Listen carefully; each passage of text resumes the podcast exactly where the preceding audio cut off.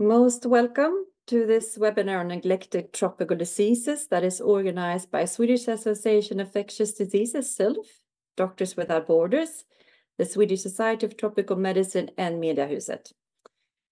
Today is the World NTD Day, so we thought that was a suitable date for this webinar. And my name is Katja Wyss. I'm an infectious disease doctor at Karolinska Hospital eh, in Stockholm, Sweden, and also a board member of the Swedish Society of Tropical Medicine. And I will be your host for this webinar and try to keep track of questions. And we are really happy to present this uh, exciting program with international speakers that will share different aspects on this very important topic. And as you can see in this program overview, we will start off with Gabriel Alcoba, doctor and tropical medical advisor for uh, Doctors Without Borders in Geneva, also group leader for MSF NTD Group. And he will give an overview of MSF's work on neglected tropical diseases. And then we will have Amaya Bustinduy, professor uh, from London School of Hygiene and Tropical Medicine, who has a lot of experience on female genital schistosomiasis, which we will hear more of. And after that, Caroline Rönnberg from the Public Health Agency of Sweden will present on diagnostics of schistosomiasis. And then last but not least, we'll have Sabine Specht from the organization Drugs on Neglected Diseases Initiative, who will share the latest on drug development for NTDs. And I will try to keep track of questions, so please write any questions you have in the chat, and we will take them at the end of the webinar.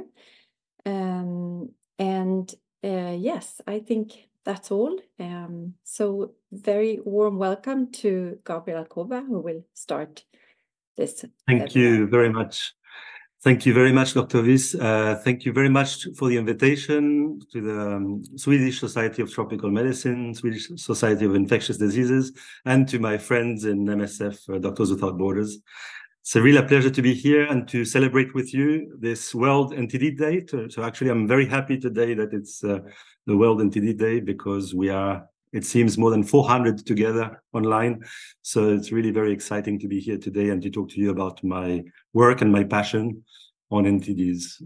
So I'll start sharing my screen, and I'll start the presentation.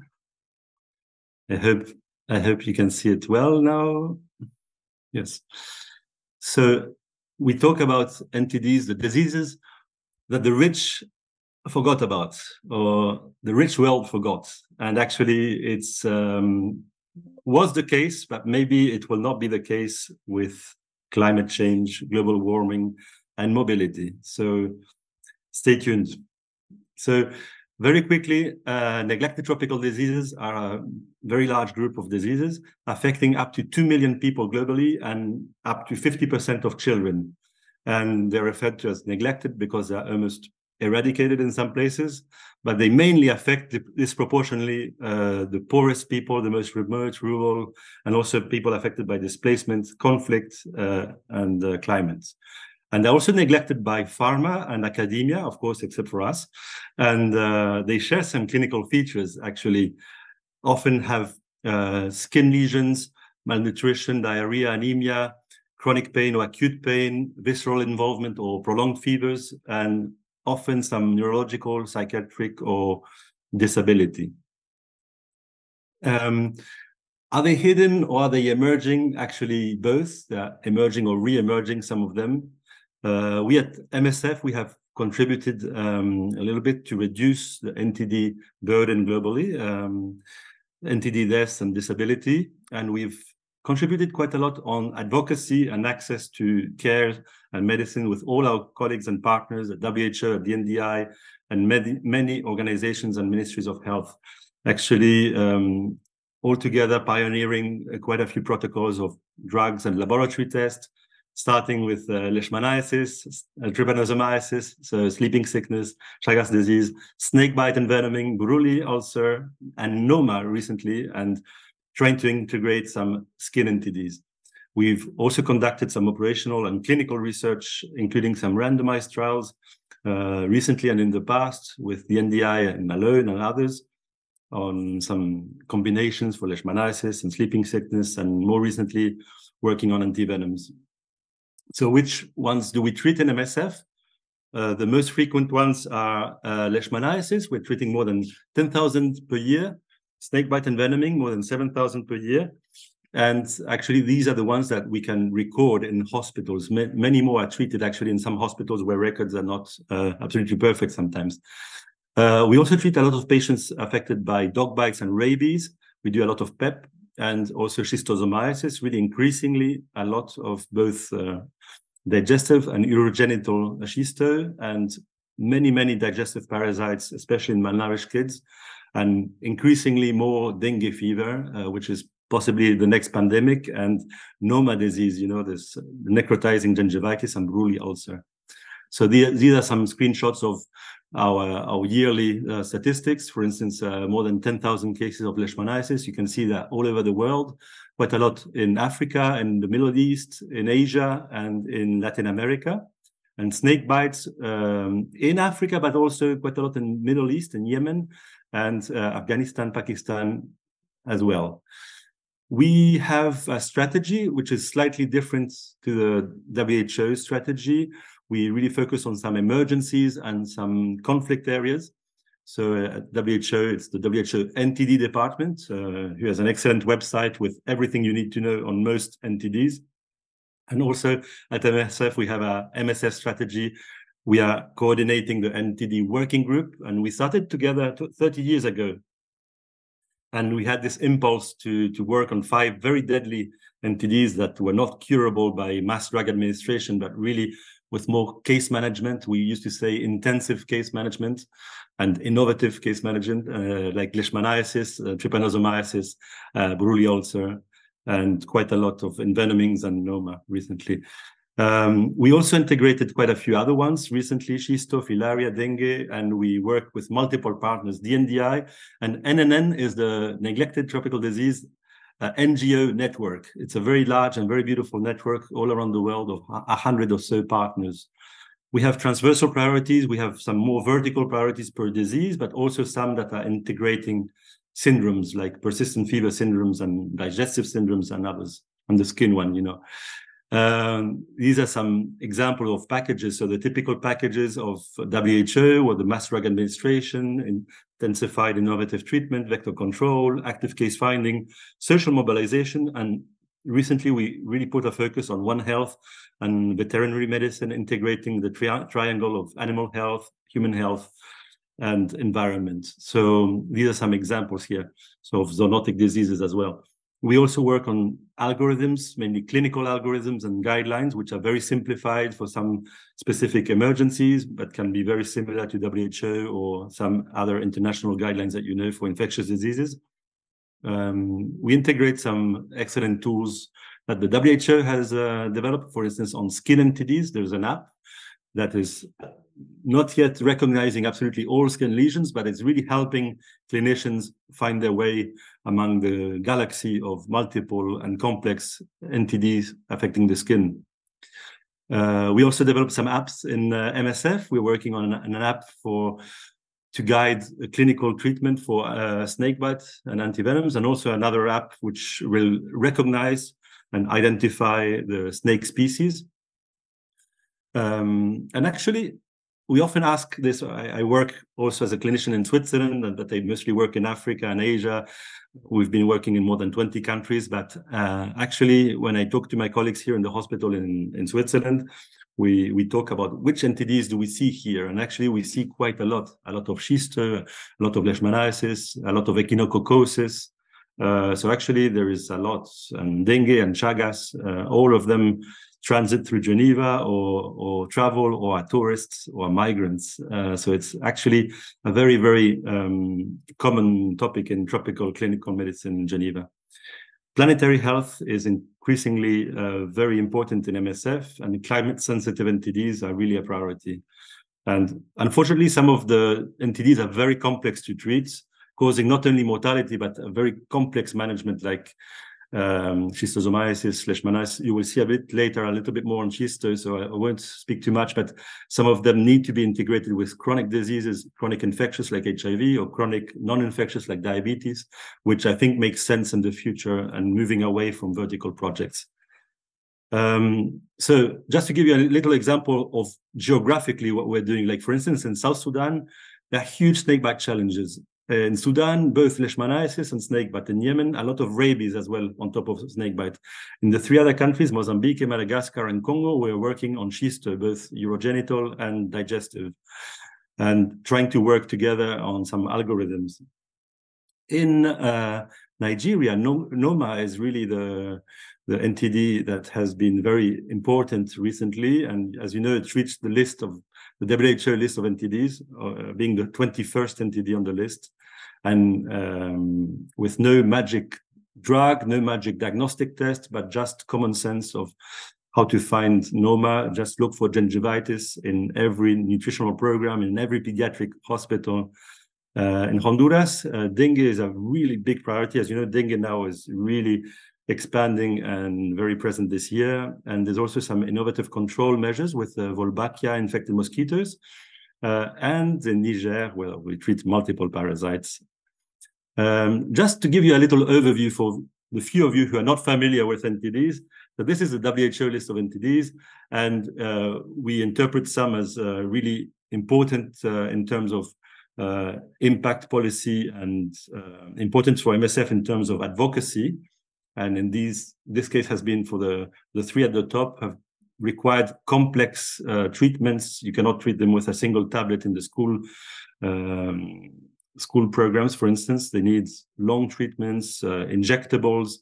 So for many years, this has been the case. Now we've also integrated others that can be treated by, with mass drug administration like schisto, but also causing chronic disease and complex to treat uh, and a huge burden of disease. So we put here the burden of disease and the global incidence. Many of them are causing more than 50,000 deaths. Uh, snakebite is causing more than 100,000 deaths.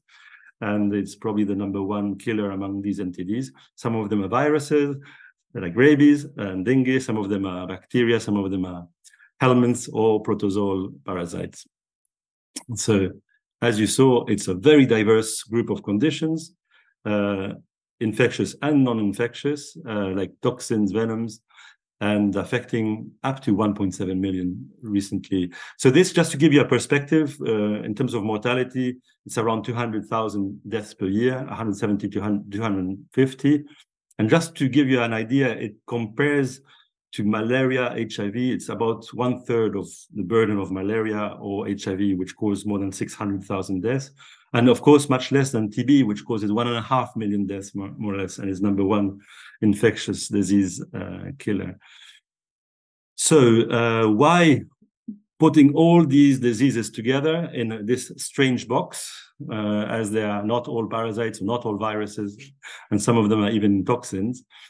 because they disproportionately affect the rural and displaced, as we said before, because they are neglected by the pharma and the donors and researchers and academia, but mainly, and this I emphasize very often, they don't travel to the global north. Uh, when we had this big Ebola outbreak uh, in West Africa, affecting three countries with uh, many, many deaths and expanding very quickly, everybody was very afraid. Ebola was neglected and became non-neglected very quickly because it's scary and because it can take the plane and it can arrive in Europe or the USA and, and actually killed health workers uh, from the north and is also considered as a bioterrorism potential um, infectious disease. So there is a lot of research, a lot of investment.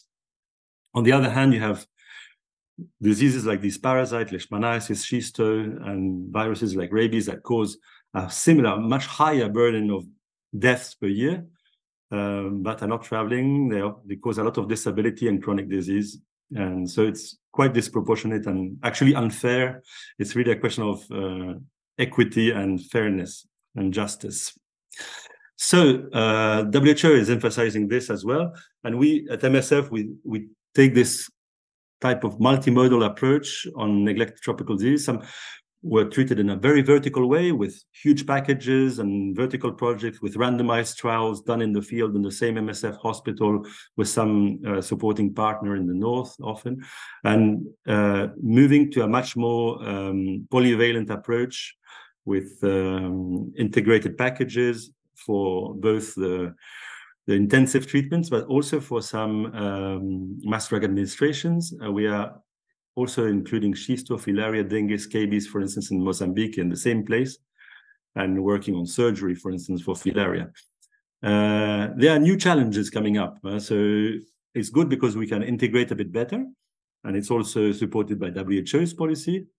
Uh, we also have One Health companion book that's now helping us also to integrate neglected tropical diseases and neglected zoonotic diseases. And uh, still, it's always affecting the poorest. Um, and of course, we have this duty to fill a gap uh, so that nobody's filling. And uh, I'm saying this because in many countries, the NTD program is part of the Ministry of Health and works relatively well until there's a conflict. And as soon as there's a conflict, uh, we see that this pro program often falls off the shelf of priorities. And it's really sometimes many, many years without any treatment for some NTDs. We saw it in Yemen, we've seen it in South Sudan, and we, we need really to, to put the accent on, on the killer diseases, but also the disability. So um, we have new questions. So some of them can be integrated, we said, but some of them we, we have some uh, opportunities. Like for instance, we have places with a lot of typhoid fever, prolonged fevers that are very similar as well to, to leishmaniasis. We also have a lot of incentive and motivation and energy into antibiotic resistance, AMR, uh, avoiding the wrong drugs, avoiding giving antibiotics when we need antiparasitic drugs as well. So sometimes people are thinking about the resistance, but actually it's just that you need an antiparasitic drug. Uh, so these are challenges, but also some opportunities. For instance, in Sudan, we conducted um, a cohort study on 1,600 patients and saw that prolonged fevers were caused not only by malaria, but a lot, a lot by visceral leishmaniasis, brucellosis, borreliosis, lepto, enteric typhoid fever, rickettsiosis, uh, on top of the usual killers that are tuberculosis, pneumonia, tonsillitis, but also a lot of urinary tract infections and pelvic infectious diseases. So we saw how complex uh, this galaxy is, and we are working on this as a next priority conflicts and floods. The, we we mentioned it before. This is really now a, a proof that NTDs increase in these cases. We see in red uh, in Ukraine the, the, number of people dis, uh, displaced, and in uh, in Pakistan with the floods. These are millions of people, uh, 15 million in Ukraine, 8 million in Pakistan, and things are not getting much better in terms of displacement in the Middle East and in Africa and Sudan now and Chad. It's really the, the biggest crisis on the border between Sudan and Chad. Uh, so that's really a focus of our attention. Now we see a lot of leish, schisto, snakebite. They're all there with rabies and all the other ones. Another one that's increasing, you can see here our, our colleagues uh, from MSF in, in Holland They're following this project in, in Pakistan with a lot, a lot of cutaneous leishmaniasis increasing every year. You see up to 6,000 per year uh, in their clinics. Um, and uh, it's quite impressive. We are working on strategies to integrate NTDs in emergencies because before we focused on the main killers, which are, of course, as usual, vaccinate against measles, do water sanitation, nutrition, uh, and then treat the, the three killers uh, like uh, pneumonia, malaria and diarrheas. But in some cases, uh, leish, rabies, schisto, snakebite can also be integrated. And it's not so difficult. So there's a perception of uh, NTDs. I won't tell you too much about snakes because today it's mostly infectious diseases. So uh, you you can ask me whatever you want on snake bite a bit later. But we've been very very confronted to snakebite during floods and developing new strategies, which are actually very similar to the strategies of uh, leishmaniasis and sleeping sickness before, affecting the most remote of the remotes and the most barefoot of the barefoot. Uh, typically, the people who are displaced uh, by the conflict arrive in a flooded zone. Here is uh, the Nile, or a part of the Nile that is flooded, and uh, you can see it's increasing in many places. Also in, in Ethiopia, but due to to agricultural activity and displacement, and we are moving towards integrating all of these diseases in a kind of common country strategy like uh, putting all of these together uh, under the One Health companion book of WHO. We're also publishing, like uh, we publish in the Lancet on snakebite epidemiology in several countries, like in Cameroon and Nepal, uh, affecting the whole livelihood of the houses. Uh, also, snakes are ki killing are killing their cattle, their livestock, and uh, other animals. So this is very common to many NTDs which cause disability, suffering, and economic loss. So we need quite a lot of transdisciplinarity. And um, we also need to go back to the basics sometimes. We need to, to go back to the primary health and to see what uh, what we can do in the most remote place in the last mile uh, with the mobile teams here you can see uh, schisto uh, affected communities. You can see uh, them in Mozambique and in Congo, and they are both schisto hematobium and Mansoni. Uh, and in the same place, we had the huge, the, the most impressive uh, prevalence of scabies with up to 70% of people affected by scabies. Those who didn't go to wash in the river got more scabies. Those who, who went to wash more in the river got schisto, and actually the water sanitation is clearly the, the priority in this community. Uh, both uh, water supply, uh, safe showers. Actually, the showers were an issue, and simply the volume of water as well. So we we're seeing this. Uh, first, we thought we were going to work on cholera in Mozambique because it's very famous for very severe cholera outbreaks. But actually, we end up working on these four diseases that people don't talk too, too much about. Uh, you will talk a little bit more on Schisto later. I will just tell you what we did in Congo. We did a mass drug administration of uh, of uh, praziquantel, uh, the usual one, the one that WHO recommends, but in a conflict setting, an emergency setting, and using the dose pole, which allows to give the number of tablets per um, according to the to the height of the patient of the kids. And uh, we are also using the rapid diagnostic test, which is very useful for, especially for the Mansoni, so for the digestive form. But there's a, another one coming up soon. Uh, maybe our partners will tell us a little bit more later. But we are very excited to know that we can really have a, a more integrated treatment, although chronic schisto remains very difficult. So for acute and for prevention, it's good, but for chronic, it's still complex. Uh, so we are trying to engage a little bit in school-based and community-based as well, where the Ministry of Health doesn't reach. But of course, we we really work hand in hand with the Ministry of Health to try to have the, the most harmonious. Like the last one on 35,000 people was conducted by the MOH. We just gave a little support. Uh, that's it here. That's just a little summary. Uh, we have uh, self-care groups uh, working with us, really co-designing the project. So, like for instance, Mozambique and soon in Madagascar, uh, after the floods and the cyclone, really working on the priorities. And we realized that filariasis is also a, a really important problem with a huge um, lymphedema and um, and hydrocele that needed to, to really to be treated surgically and uh, here you can see some images of scabies, uh, lymphatic filariasis. Hydrocele surgery is going to be conducted uh, this year for 600 patients who've been waiting for two years with huge hydroceles. Uh, there we go. And we're trying to implement some, some new um, clinical protocols. We are also, so now going more globally, uh, advocating a lot. As you know, on snakebite, it's one of our main topics this week. Uh, this week, we are trying to do some advocacy tweets and uh, a lot of um, sensitivity. Um, so advocacy and uh, bearing witness. So NOMA is the new NTD. It's really terrible. Uh, it affects thousands of people and mainly kids in malnourished settings who die very quickly. Uh, cutaneous leishmaniasis, visceral leishmaniasis. These are little um, flyers that you can find online on all the on all the social media. And I'm happy to answer any of your questions. Uh, I think I've done it in 19 minutes and 15 seconds. It's not too bad. So if you have any questions, I'm very happy to answer. Here's my email, and I really wish you a happy World NTD Day. I hope we can work together on innovating and tackling the most unfair diseases. So thank you very much for your attention. Back to you.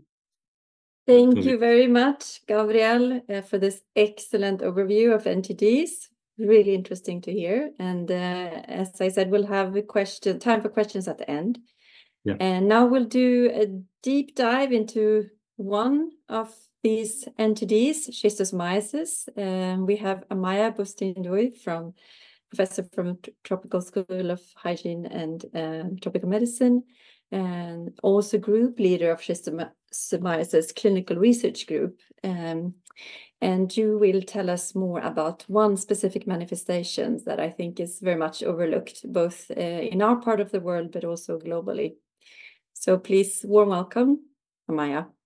Thank you so much, Katja. I really want to thank you for including FGS in the NTD day. It really is delighted to bring out of the neglect uh, such a neglected, uh, disabling gynecological disorder. So thank you for that. And hello, everyone. Uh, so I will hopefully take you through the world of female genital schistosomiasis in the next few minutes, which I entitled as Schistosoma hematobium's neglected child, just because it has been a morbidity that has only been recently appropriately um, acknowledged, even in the schisto world.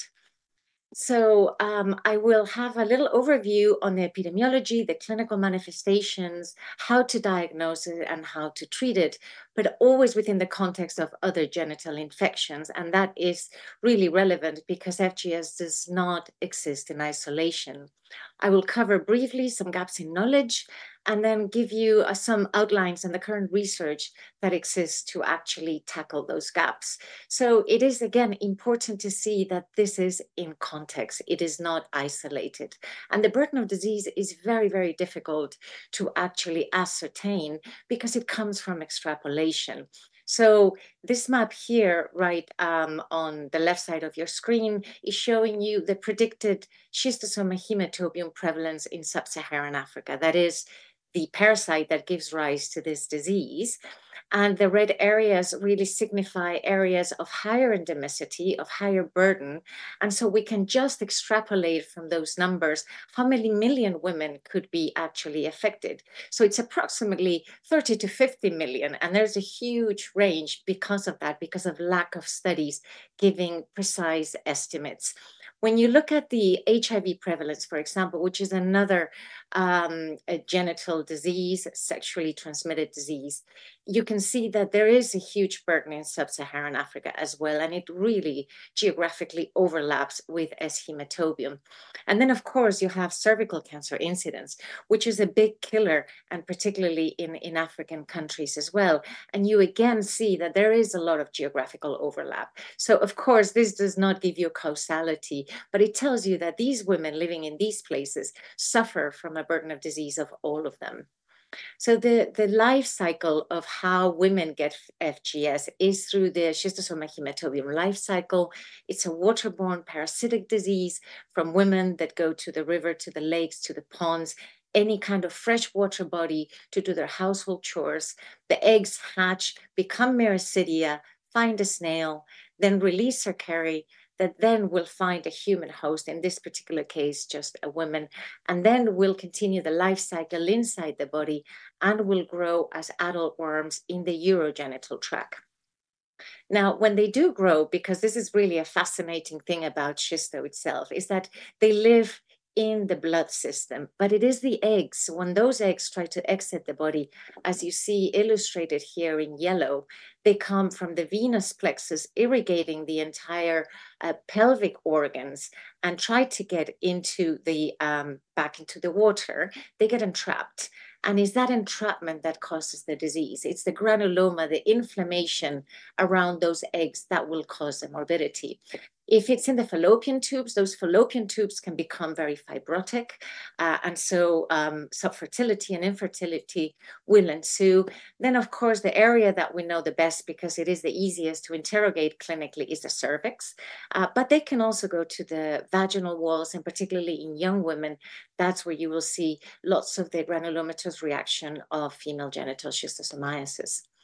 And I just had to show this picture because just to illustrate what schistosomiasis does to the body, it's important to realize that this is a huge parasite that lives. This is obviously not a human. This is from a colleague from the Natural History Museum, but illustrates how big these worms are. They're the size of a grain of rice. And again, they live in the venous plexus. This is a mesenteric vein, and it is the eggs that get into the tissues that cause the morbidity. And this is exactly what I'm talking about. When you have an egg that is entrapped, there is a lot of antigenic response, a lot of inflammatory cytokines, and a granuloma forming around it that will produce a lot of damage and scarring. And if you can identify that in the genital tract, you will see that there is a lot of inflammation going on. This inflammation will, in due course, also be conducive to other infections that happen in the genital tract, such as HIV transmission and also HPV persistence, as you will see in a minute. So, how does this manifest in a woman?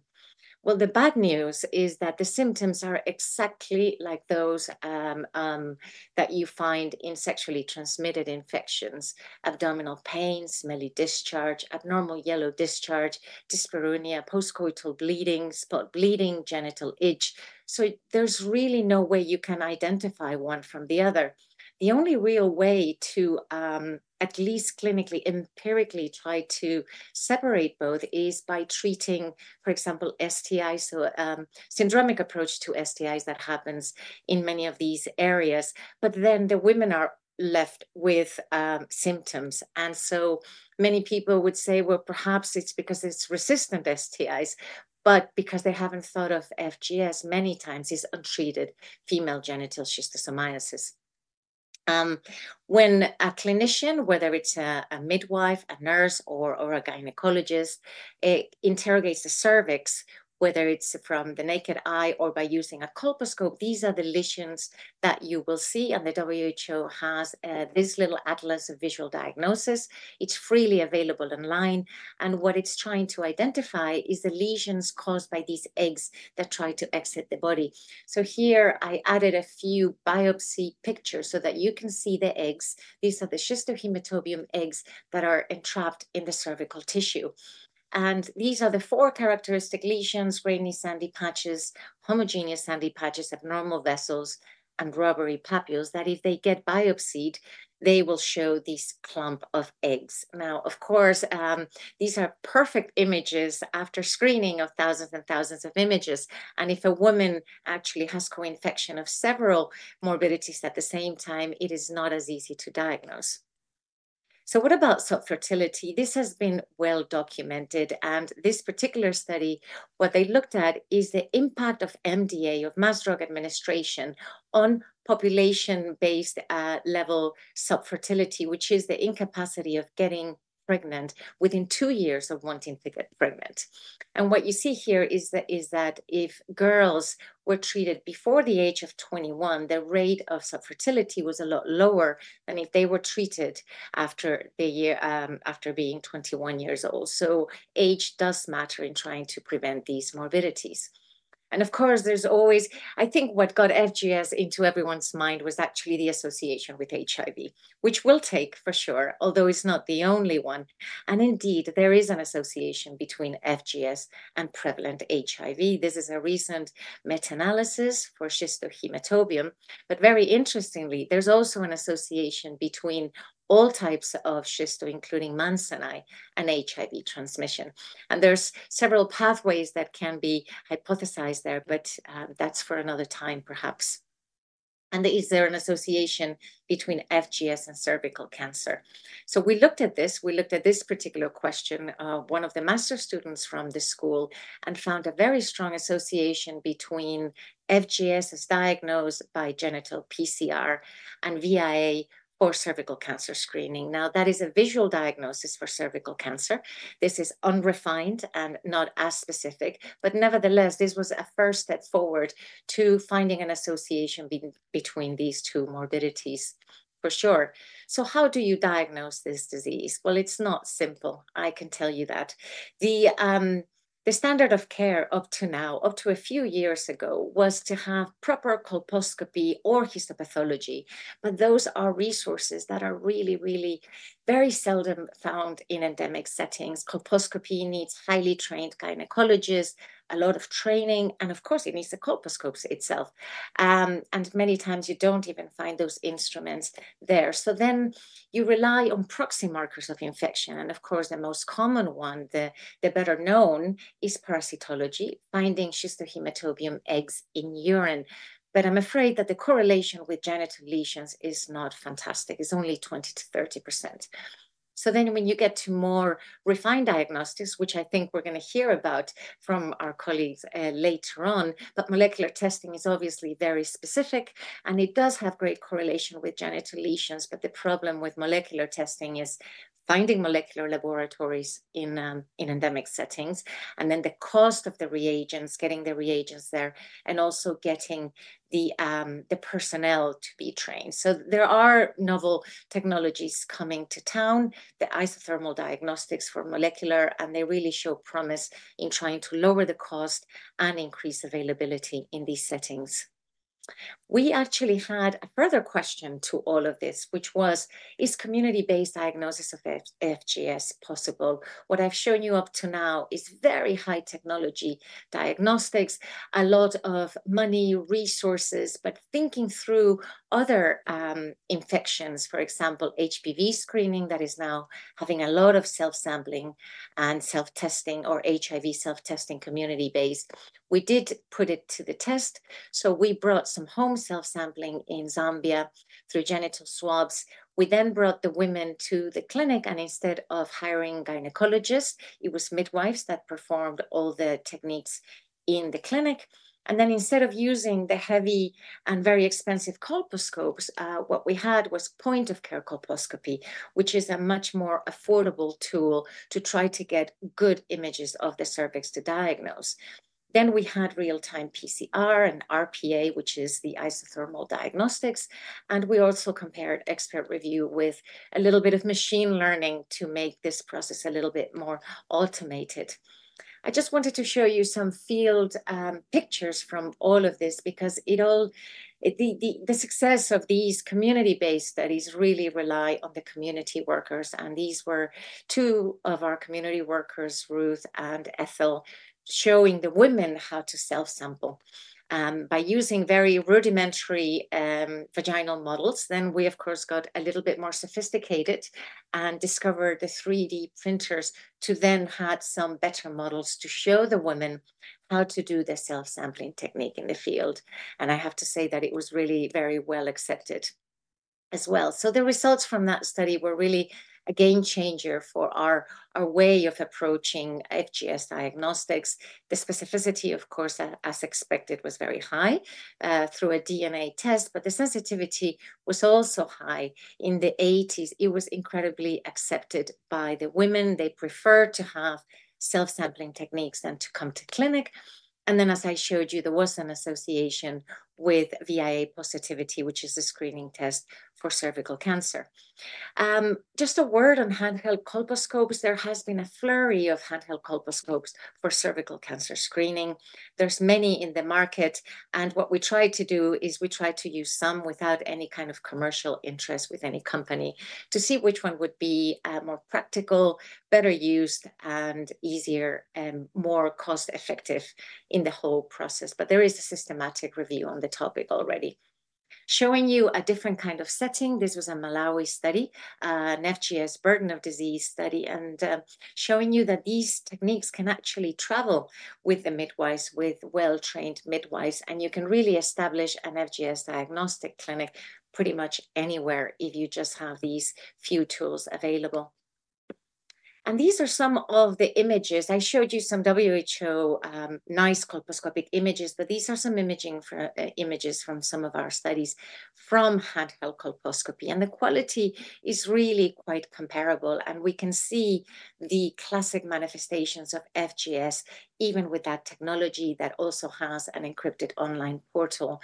And so we can do the diagnosis remotely as well, which is very convenient.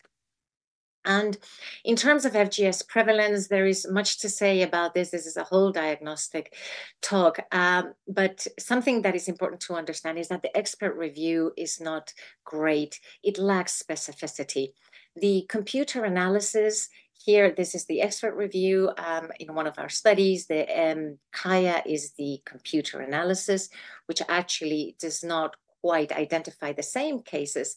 And then if you look at the most conservative approach to what case is actually FGS, taking the ones that both agree on, then the prevalence will actually go a little bit down and it would be about 25% pretty much more images on the handheld colposcopy. So just briefly on the opportunity that we have to diagnose FGS on ongoing cervical cancer strategies. As you can see from this illustration, the diagnosis of cervical cancer is in the cervix. The one that we have more available to us is also in the cervix for FGS.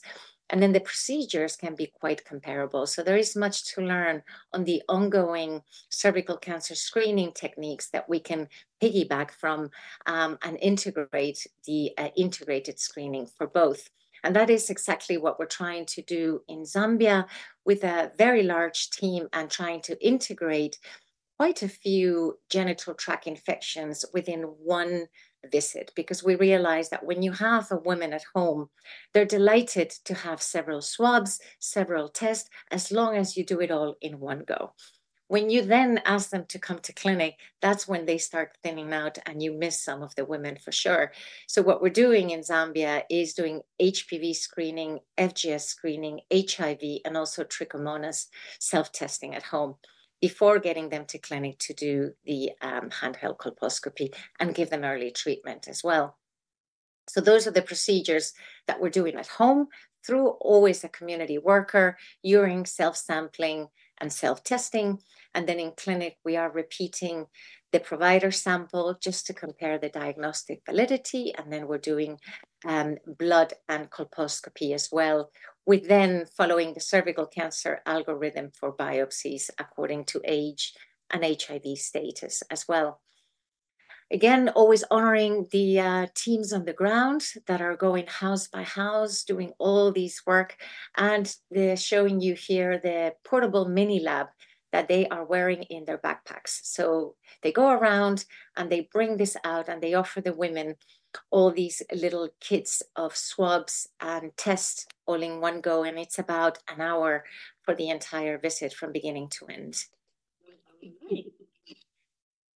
Um, so how do you treat FGS? And, and this is really, is not a trick question because what we do right now is what WHO tells us to do, which is to give praziquantel 40 milligrams per kilo as a single dose. Now, we know that this is an MDA dose. This is a control program dose. Um, and thinking as a clinician and realizing what the disease is, the extent of the disease, 40 milligrams per kilo is not enough. Now, we are lacking clinical trials. And that is one of the issues that we have is just to prove that we actually need more than 40 milligrams per kilo. But we do have some evidence from our trials, show, from our studies rather, showing you that those lesions after single dose one year later don't really change that much. And it, it just makes sense because the amount of worms that can be killed with what that single dose is just cannot be enough in an endemic setting and even in return travelers as well. But there are more refined diagnostics now that we have in Schisto that can help us see the um, efficacy of the treatment as well. So just going very briefly on where we are with policy, again, in the last five years, there's been um, absolute renewed interest or interest without the renewed on female genital schistosomiasis. A lot has to do definitely with the association with HIV. But again, we have growing evidence in cervical cancer as well. And there is a lot of lack of awareness.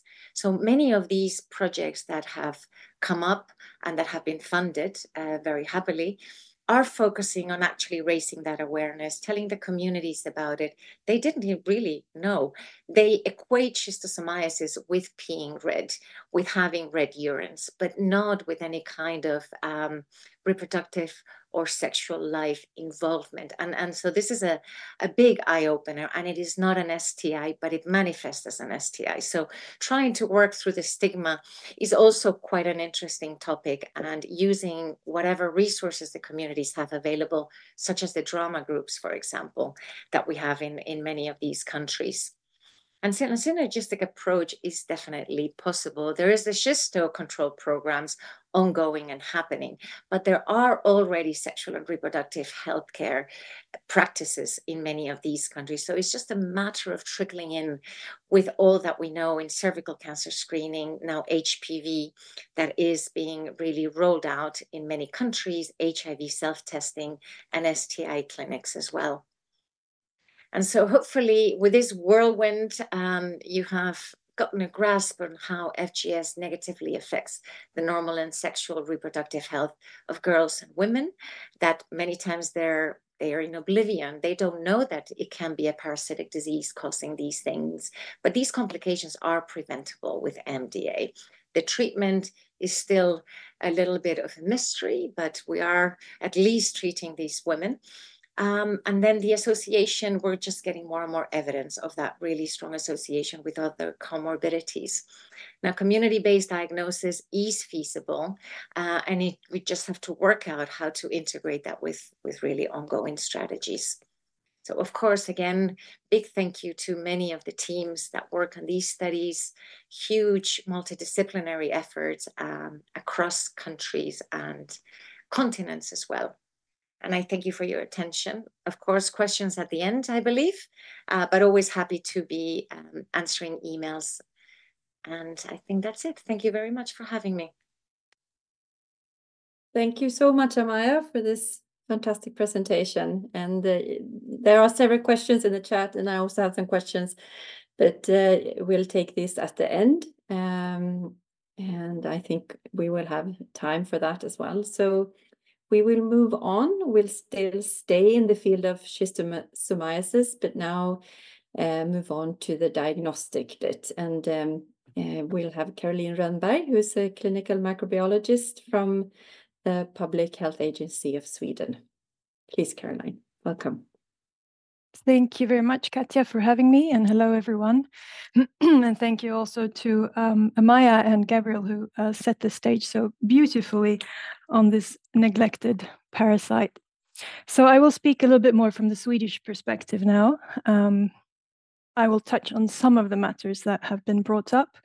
So my name is Caroline Rönnberg. I'm a clinical microbiologist at the Public Health Agency in Stockholm, Sweden.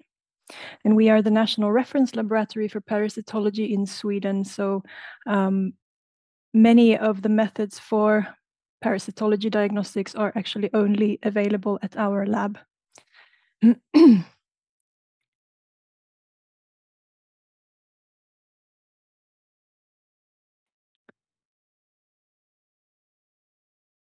we go.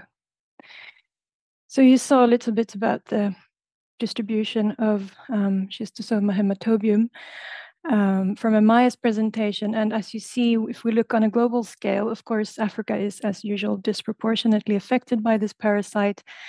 In Africa, where most of our samples are um, are coming from, there is an overlap between schistosoma mansoni and hematobium in many areas.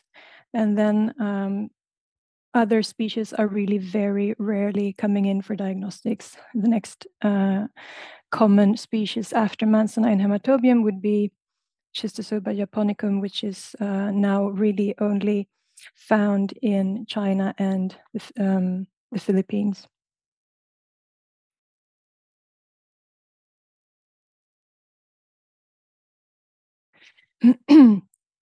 So here is what we do at the Public Health Agency in Stockholm.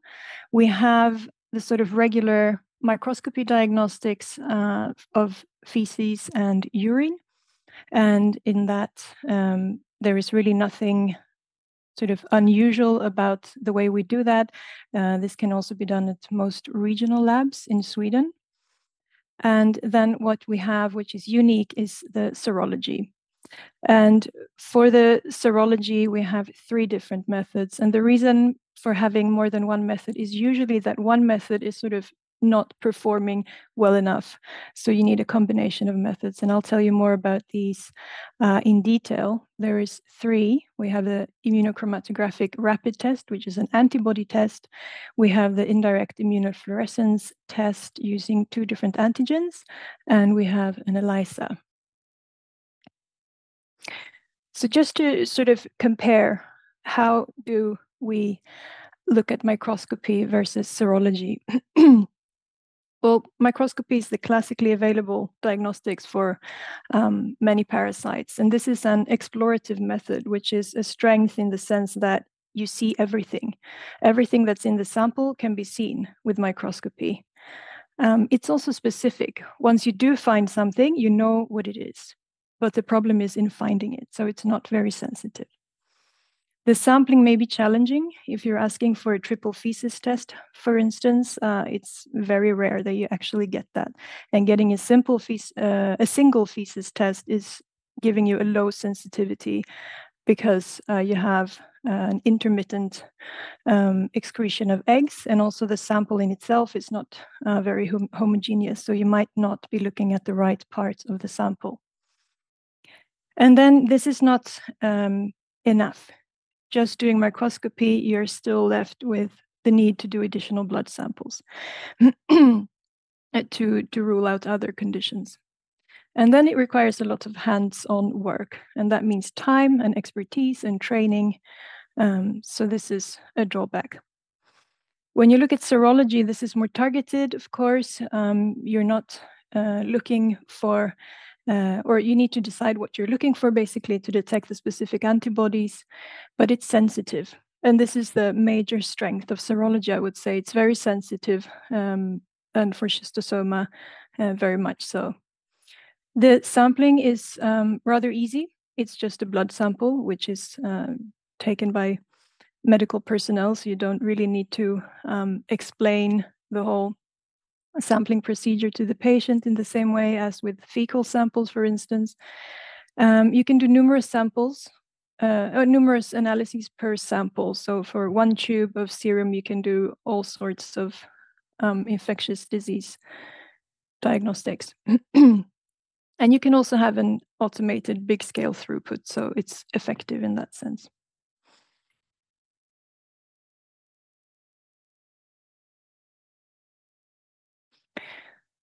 So what sorts of tests should you then do?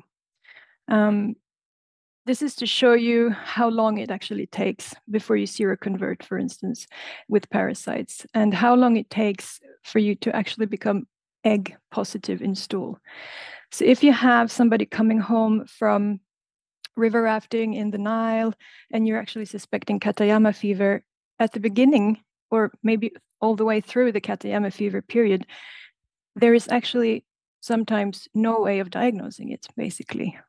Um, and then eventually you will have antibodies appearing somewhere between six and eight weeks. And we usually tell clinicians always wait eight weeks before you send a serology sample for schistosoma diagnostics, eight weeks after exposure, that is. And then eggs in stool might appear somewhere between five and 12 weeks or so. But if we're looking at a tourist with a very low burden of infections, you're very unlikely to find any eggs in the stool um, or urine for that matter.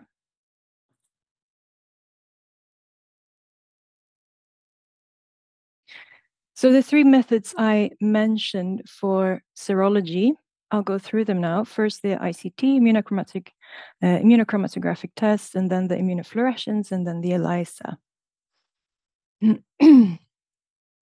so the immunochromatographic test is an antibody test. There's a common misconception that this is an antigen test. It is not. It is detecting IgG and IgM, and it's um, using uh, schistosoma mansoni worms as antigen, but it cross-reacts. So it also works for schistosoma hematobium. And it's very simple to do. After you pipette the serum and eluent in the cassette, you can read it after 20 to 30 minutes. And the manufacturer claims that it's 95.8% sensitive and 92.4% specific. Um, so we decided to test this to see if it's actually good enough to be used as a screening method. And this is the result of our validation. we did a rather large validation with a panel of 232 serum samples from our biobank. And we had 110 positive samples in immunofluorescence and 122 negative samples that were either uh, suspected of schistosomiasis on the anamnesis or from healthy blood donors, so presumably negative samples. And then we had another panel of 27 samples for cross reactivity that were positive for other parasites. And we ended up with a sensitivity of 99.2%. So we were very happy with that. However, the specificity is a bit uh, lower of 80.7%. So basically, a positive sample needs to be verified by different methods. So the other method that we use to follow up the ICT is a very old method that we've had in our labs for, lab for many years. It's the immunofluorescence um, detecting IgG antibodies.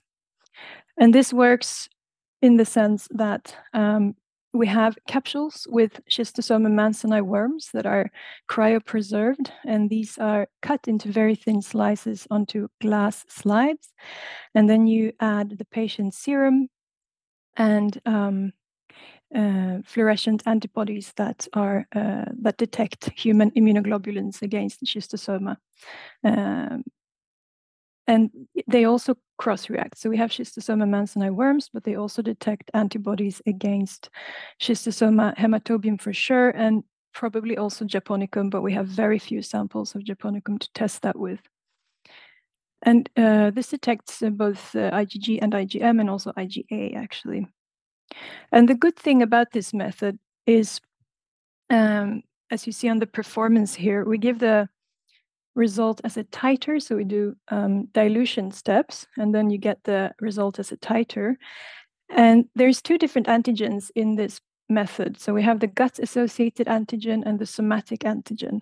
And these um, antibodies directed against each of these antigens can give us some information about the temporal, um, uh, let's say, the temporal um, time of this infection. So antibodies against the gut associated associated antigen they show already after six to eight weeks after the infection so this we usually see with tourists as well but then antibodies against the somatic antigen are much, much slower to develop. So these we see with chronic infection or after treatment um, because the antigen is still released from dead worms. So this can remain for a very, very long time after treatment. So sometimes we see uh, isolated antibodies to one of the antigens, and sometimes we see both. And depending on this, we can do some sort of um, interpretation of the um, of how long the infection has been around. And then the third method we have is um, commercial ELISA kit. There's really nothing special about this kit. Is um, it's the one we determined was the best on the market right now. It detects IgG antibodies um, to antigen from both the egg and the adult worm of Schistosoma mansoni. Um, and here the result is given not in OD value as ELISA usually is, but rather is calculated into um, an index value where the cutoff is one. So it's quite easy to relate to that. And the sensitivity, according to the manufacturer, is 94% and specificity 99. But we uh, have done some verifi verification studies of this, and we feel that both of these numbers are a little bit lower in our hands. So now to show you the diagnostic flow, to give you the ultimate performance of these methods together, we um, run all samples that come in for schistosoma serology in ICT, and the negative ones are answered directly as negative. And you will remember that we had a sensitivity of over 99%, so we're quite um, confident there. Then the positive ones in ICT are run in the immunofluorescence since the specificity is not great for the ICT. And if they're positive in either the gut associated antigen or the somatic antigen, we regard them as positive. However, if they are negative in the immunofluorescence, we go to our third method, which is the ELISA. And positive in ELISA are answered as positive. So you see here that two methods out of three positive means positive. This is how we look at it. And then if they're negative in ELISA, we answer them as negative. Um, and we assume that the ICT reaction is either unspecific. Uh, if it's a migrant, then it's usually unspecific. If it's a tourist, we always ask when was the exposure? Was it less than eight weeks ago? Then please send us a new sample. And then Sometimes we get samples for serologic controls, and then we run them in parallel with a previous sample in ELISA. However, the question is, can serology be used as post-treatment monitoring? Well, these are our own samples. Uh, it's the same samples in both graphs. And in the graph on the left, we see on the x-axis, it's um, number of months since sample number one. And on the y-axis, it's percentage of the value of the first sample taken. So these are the same patients over time. Basically, there's at least three samples being taken from the same patient at different time points. and as you can see, we're going all the way up to 48 months, and there is really not a proper sort of downward slanting curve to be drawn here. And the graph on the right shows the same thing, just with index value. So everything above one is positive, and then they're resampled on um, after several months, and you can see that there's not really much happening with the antibodies. So the question is, um, or the answer to the question is that it can't be used for post-treatment monitoring. They are simply um, not dynamic enough.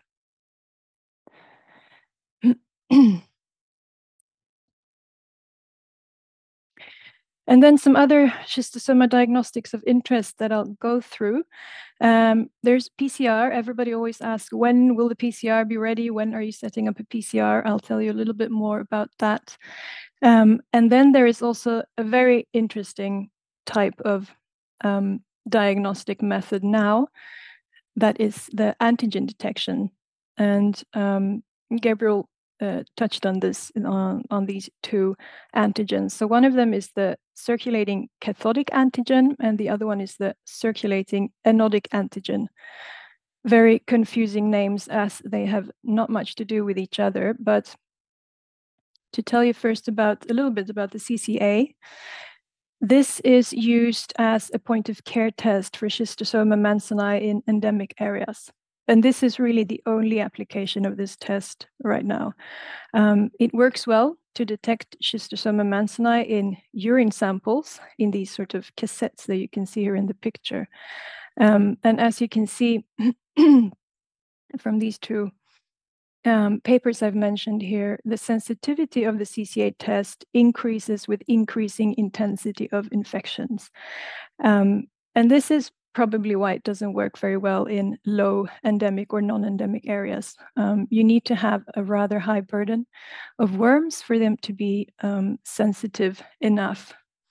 And then um, there is also another paper saying low specificity of point of care circulating cathodic antigen diagnostic test in a non-endemic area. So the specificity is not great either when you apply it in a setting where you have a low endemicity. So this is not um, something we will be using in um, Sweden at the moment, at least. However, the CAA, circulating anodic antigen, is something else. This is a lateral flow kind of test for both serum and urine.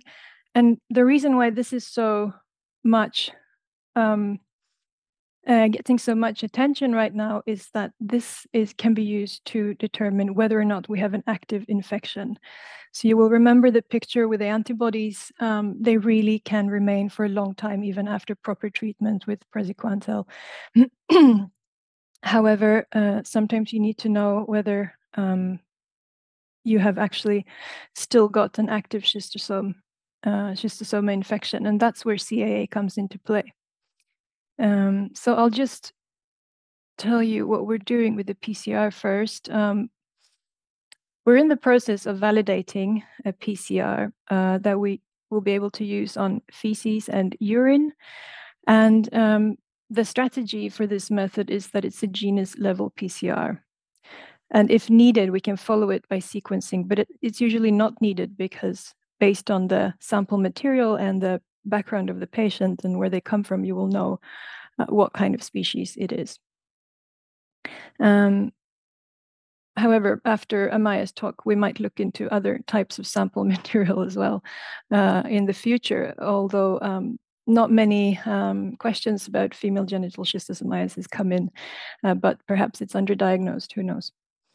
Um, and then the time aspect, when will it be ready? Well, the validation is in progress. I'm hoping to say that it will be ready to um, be launched um, perhaps sometimes after the summer.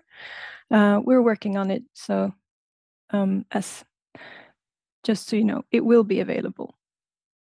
We have also looked at, I should say, serum plasma. Um, some um, have evaluated a PCR to diagnose acute infections in serum or plasma, um, but after a background um, literature search, we have determined not to go into that. It simply does not perform well enough to be set up. So, about this new fantastic method, we are very happy to be able to offer this from the Public Health Agency of Sweden right now. Of course, we don't have it in our lab. We send it to Leiden, to the University Medical Center there. They're the, currently the only lab in the world that can offer this um, diagnostic to other labs. Um, and so the CAA detection assay is a laboratory-based lateral flow test using luminescent submicron-sized up-converting reporter particle technology to detect this antigen in serum or urine. Now, this is a method that has been worked on for many, many years. This picture here is actually more of a field version of it. Um, and as Gabriel showed, this will hopefully also be available in the field shortly.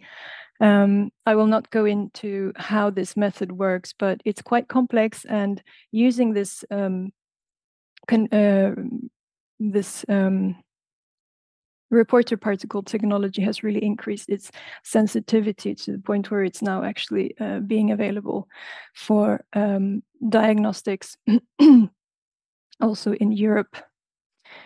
So, what is CAA? Well, it's an antigen that is regurgitated into the host's bloodstream by adult worms.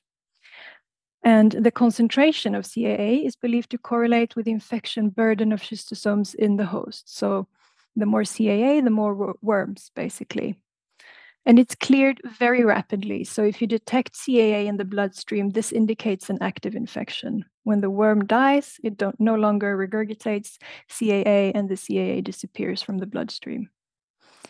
And um, there's a rapid decrease in the serum level of CAA after treatment with praziquantel, sometimes within several hours. Uh, this has been documented. So the application of this methodology is uh, currently limited to um, suspicion of therapeutic failure, at least in Sweden. Uh, it's not the sort of primary test that we use. It's more used when you know that the patient has a schistosoma infection, you've treated the patient with, say, one or two or even three courses of praziquantel, and there is still symptoms that you can't uh, really make out and that you think might still be due to schistosomiasis. And then you can do the CAA to see if it's negative, then you can be sure that the worms are in fact dead. And here's uh, an article to show how well this works. On the left side, you see patient, it's the same patients in both graphs. You see them tested by serology, ELISA, and on the right side, you see them tested by CAA before and after treatment with praziquantel. So you can see, just as we showed in our patient samples from the Public Health Agency, you can see that serology really doesn't change over time. Even after you've administered a proper treatment course, there's really not much change to be seen, neither um, in the ones that are confirmed by microscopy or the ones called possible because they're positive only by serology. However, if you look at the CAA detection, you can see that the level of CAA plunges six weeks after praziquantel treatment um, in both the possible and the confirmed cases. And if you would check them earlier, you would probably already see the plunge earlier.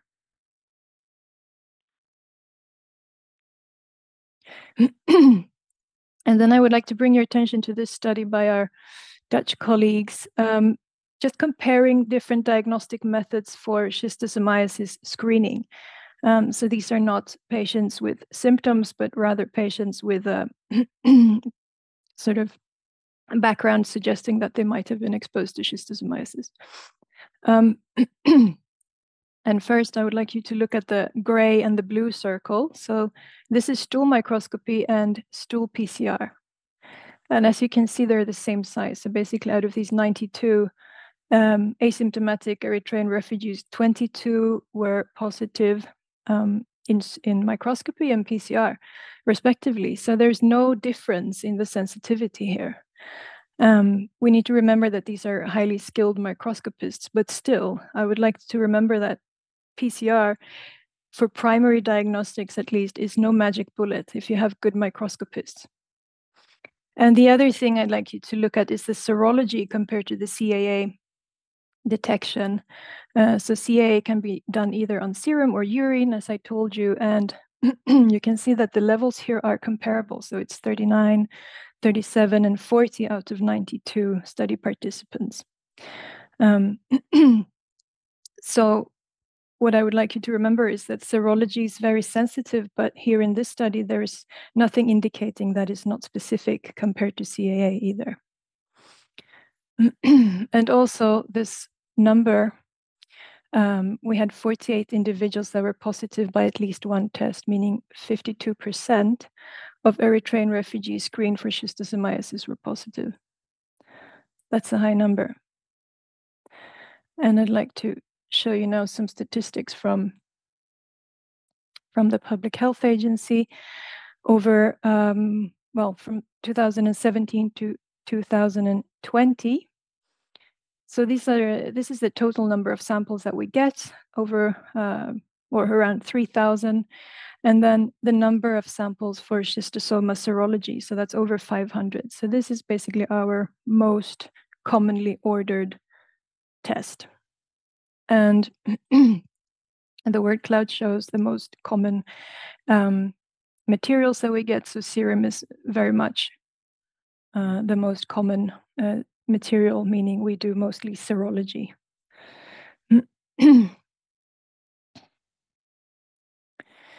so during those years, uh, 2016 to 2020, we had a total number of um, 2,370 samples and 33% of those were from tourists and 4% from people working abroad or expats. So the increase, there's a little bit of an increased risk of schistosoma in them.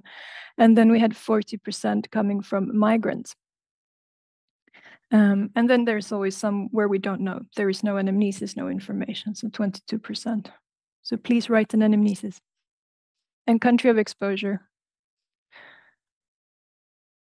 Um, and here is the statistics over the country of origin or exposure, depending on the type of patient. And you can see Eritrea is very much overrepresented, uh, followed by Somalia, Ethiopia, DRC, and Sudan. And here are the results of these samples. And we had a total number of 86% negative samples and 14% positive. And then when you break out the migrants from these group, you have a total of 957 samples, out of which 31% were positive.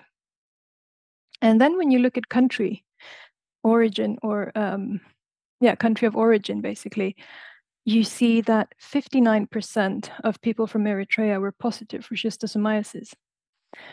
Um, so that's pretty much in line with the study you saw from from Holland uh, or from the Netherlands. of course, this is not screening. This is actually patients who came to the doctor for some reason, but still, it's a very high number of positivity. Um, also, Sudan, 52%, um, Ethiopia 40%, DRC 32% are positive in schistosomiasis by serology. So some take-home messages from me about the diagnostics. Serology is definitely the best method for primary diagnostics. It's the most sensitive and it's simple. Um, and still the first thing you should always do when you have somebody with a suspicion of schistosoma. This should always be accompanied by microscopy, though, because even though it has low sensitivity, it has high specificity. If you do find an egg, you know what it is, and then you have the diagnosis right there. And then remember, uh, East African migrants, they have a very high prevalence of schistosomiasis. So consider screening people from this corner of the world. CAA is a very useful method when suspecting therapeutic failure. It is available. We can send samples to Leiden. So please contact us if you need us to do CAA. And PCR is uh, in the pipeline and will be available at the Public Health Agency in Sweden soon, hopefully for feces and urine. And this is all from me. Thank you very much. Thank you very much, Caroline, for this really informative and thorough presentation of diagnostics that are at hand here in Sweden, but also will be at hand soon.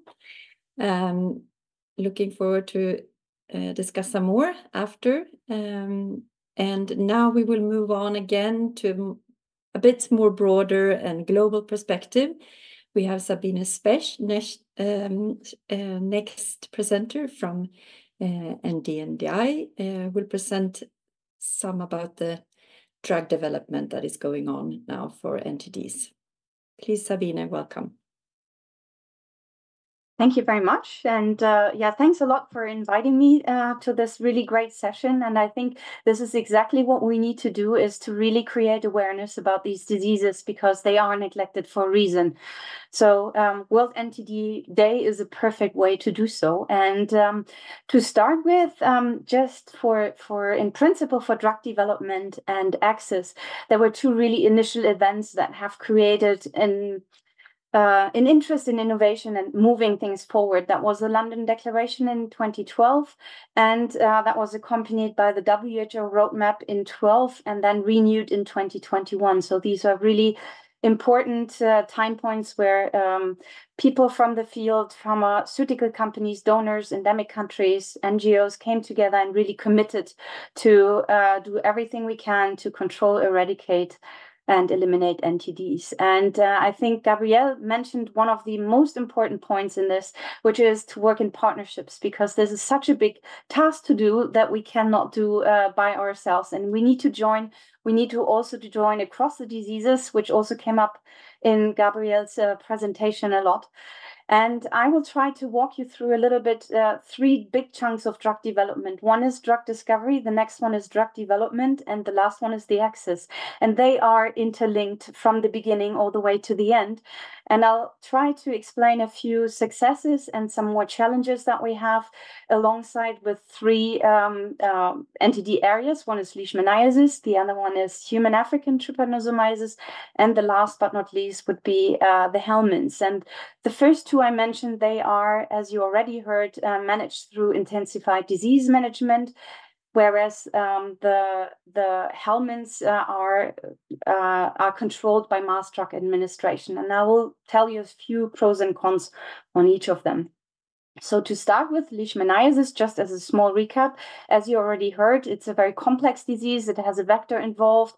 It comes in different clinical manifestation. We have VL, visceral leishmaniasis, we have PKDL, and CL. It's one of the the uh, more severe ones as these as well as human african trypanosomiasis can be fatal um, environmental changes like deforestation dams urbanization and also climate change will affect these diseases so we have to follow up the um, the epidemiology of them very closely.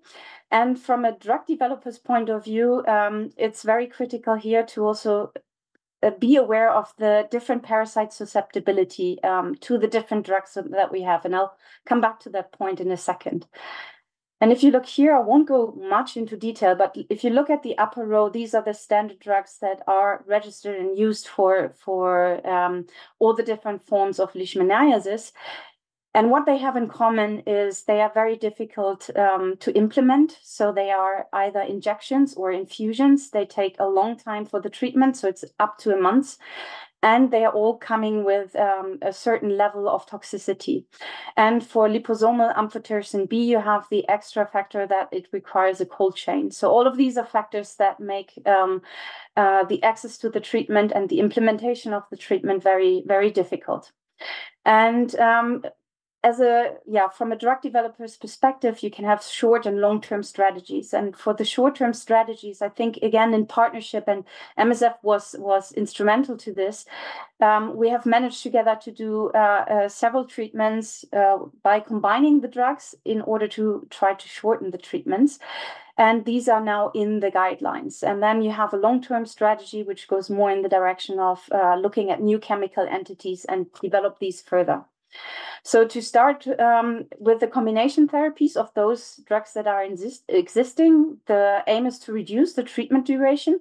That will eventually increase the compliance, improve safety and efficacy as well, reduce the treatment cost, uh, but also will avoid uh, resistance development. This is always what we see in any parasitic infections. If you come with monotherapies, and the veterinary world is a nice example and shows you very from or very quickly uh, these, but also in humans we have observed that. And I won't go into details, but you can see here on the right side uh, there's the combination therapies. If you want to have more details, please refer to um, a very nice review from um, from Fabiana Alves in 2018. What you can also see here is um, coming back to the point earlier that we do have difficulties with the different susceptibilities of the parasites in different countries. And it's very clear that, for example, Eastern Africa is a bit more difficult to treat than Southeast Asia because the efficacies are usually a little bit better in South, uh, South Asia compared to the others. But uh, this is a short-term uh, way of, of trying to improve the situation. And then uh, development of new chemical entities takes a lot more time and again requires a lot of partners, including funders and also uh, libraries from pharma companies um, to engage. And I just want to highlight a few uh, more advanced um, compounds that we are looking at right now. They are all in phase one or phase two.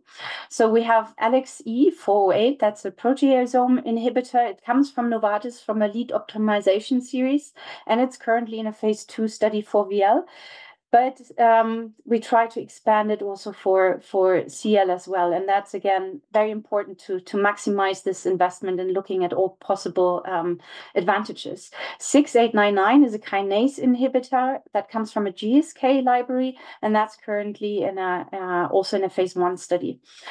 Um, another one that's very interesting, working completely different, so it's not per se a chemical entity, is CpG-D35. So that's a, a oligonucleotide, so very closely to, to molecules of a bacteria. And you aim to increase the um, immune response to the parasite. And there are uh, phase one studies ongoing in Colombia right now. And uh, two compounds, an oxaborole and uh, nitroimidazole, is currently on hold as we always need to look at the most uh, promising candidates to move forward because we do not have all the money in the world to do everything at the same time, which um, would increase the speed. And at this stage, before I continue, one has to keep in mind that once you move into humans, you still have a huge attrition rate. So one out of 10 drugs will move all the way to access and and uh, uh, being implemented for the patients. So this is something that we uh, always have in mind. This is why it becomes very costly. Um, once a drug reaches the registration, this is an example of fexinidazole that I would like to, to elaborate a little bit more. For that, I need to switch to uh, sleeping sickness. I won't go much into details of the uh, different species, but it's again a vector transmitted disease. It's exclusively in sub Saharan Africa. You have different symptoms depending on where the parasite has moved to. So, the early stage, it stays in the skin and then migrates into the late stage into the CNS. And of course, then you have CNS linked symptoms of the disease. For a drug developer, again, it's very difficult and complicated because in the CNS, it requires also that the drug needs to cross the blood brain barrier, which always comes with um, toxicity issues very quickly as well.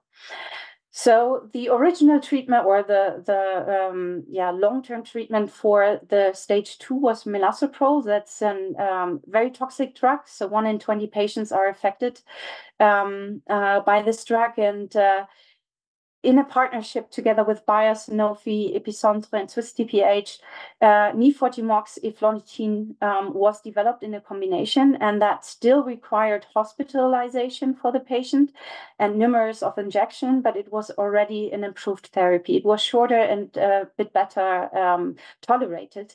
But you can see on the picture below, this is one treatment of, of this combination, and it requires a lot of um, uh, yeah complex logistics in order to to get all the material in place. A big um, step forward is actually fexinidazole that was um, uh, developed with Sanofi and Swiss TPH Um, and was just recently recommended by the EMA for uh, Trypanosoma gambiense and in 23 um, for Trypanosoma rhodesiense.